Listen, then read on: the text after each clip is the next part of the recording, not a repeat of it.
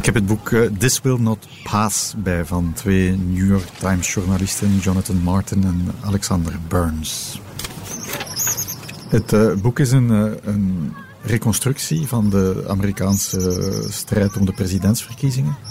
maar staat heel lang stil bij wat er gebeurd is op 6 januari bij de bestorming van het Capitool.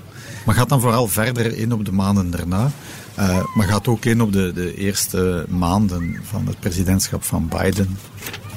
Ik vind het een goed boek omdat het um, voor een niet-Amerikaanse lezer een heel goede inkijk geeft in hoe die Amerikaanse politiek werkt. En bij uitbreiding hoe die democratie functioneert of eerder niet functioneert.